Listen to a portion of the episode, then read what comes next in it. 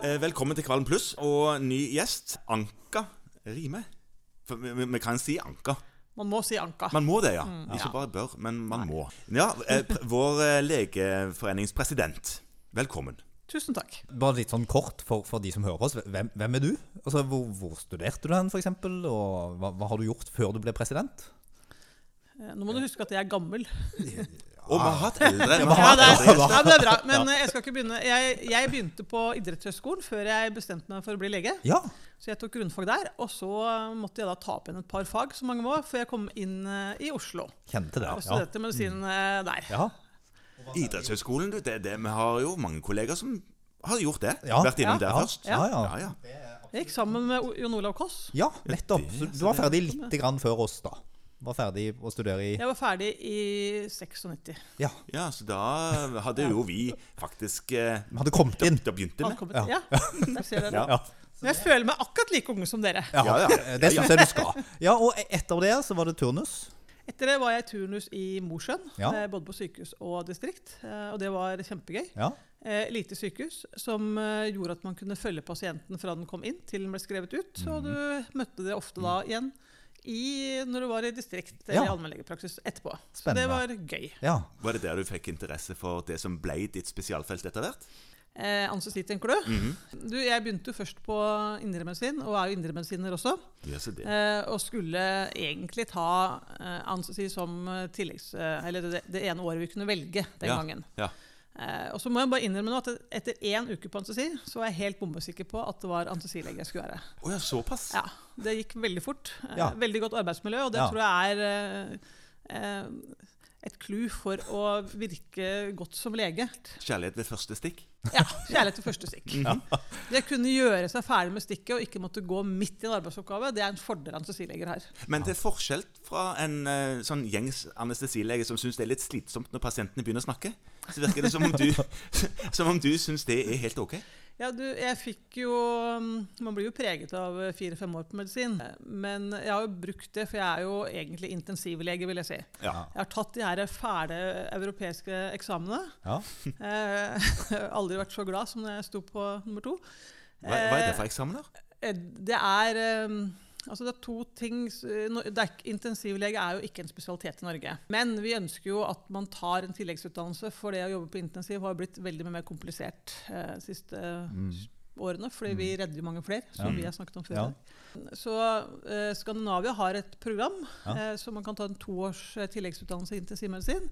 Og de krever at du da tar en eh, europeisk eksamen, en første da en multiple choice, som du nå må ta før du får lov til å komme inn. Fordi en del nordmenn ikke ønsket å ta den, så nå er det et krav. Eh, og så er det en, eh, en eksamen etterpå, som er en muntlig eksamen, hvor du ser pasienter og, eh, og må bestå da ulike elementer innen det intensivfaget. Ja. Etterutdanning er viktig, og Ja. det har jeg gjort til gangs. Ja. Og det er gøy. Og hvor var det du utdanna deg til anestesilege hen? Sykehuset i Østfold, eller Ja. den gang i Fredrikstad, Ja. det ble min bane, og på Rikshospitalet. Ja. Ja. Akkurat. Og så jobba du mange år som anestesilege. Fordi at nå er du president, men det har du ikke vært så lenge. Nei. Nei. Eh, og jeg føler fortsatt at det er lege jeg er. Ja. Eh, Jeg jobber som president, men jeg er lege. Ja. Eh, Det er en viktig forskjell. Det har vi jo snakket om med de yngre. ikke sant? De, Ja, Mm. ja. de jobber som lege. Jeg, jeg f- har tenkt en del på det de siste årene.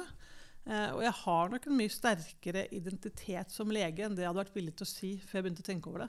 At du er lege. Ja, jeg Ja. er lege. Altså det, når klokken er fire, og du går ut i fritiden din på ettermiddagen, så er du fortsatt lege. Ja, det Leser føler jeg. det. Ja.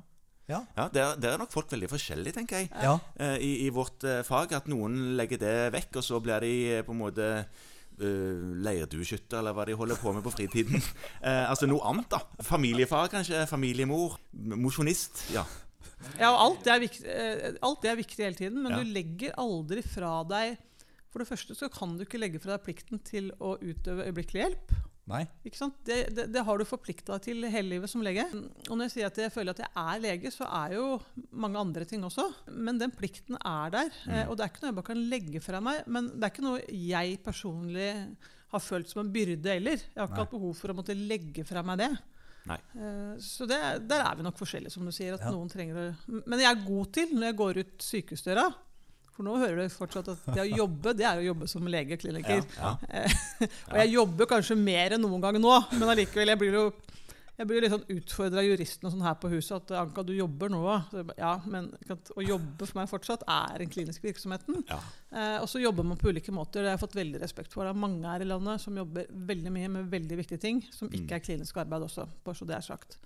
Mm, Men jeg er veldig flink når jeg jobber klinisk, da, til å eh, Når jeg går fra jobb, eh, så er det ikke sånn at jeg, jeg tar med meg alle problemer på jobb 24-7. Nei, nei, nei. Det, Det, håper det jeg er noe, ikke. nei. Ja. Eh, Så, Nei. Det, så selv om jeg er lege, så klarer jeg å legge fra meg jobben. Hørtes det fornuftig ut? Ja, Ja, det høres veldig. fornuftig ut. Men, men på, selv om du er aldri så mye lege og kliniker, eh, så har foreningslivet tatt deg på et eller annet vis. Ja. På, hv- hvordan skjedde det? Jeg lurte, lurte litt på det. Altså, den der etterutdannelsen for å bli president, hva er det? Er det jo en europeisk skole? Multiple Nei, du choice? jeg driver og søker på den skolen. eh. Nei, vet du hva. Det- Jeg tror eh, Jeg er ikke en som planlegger livet.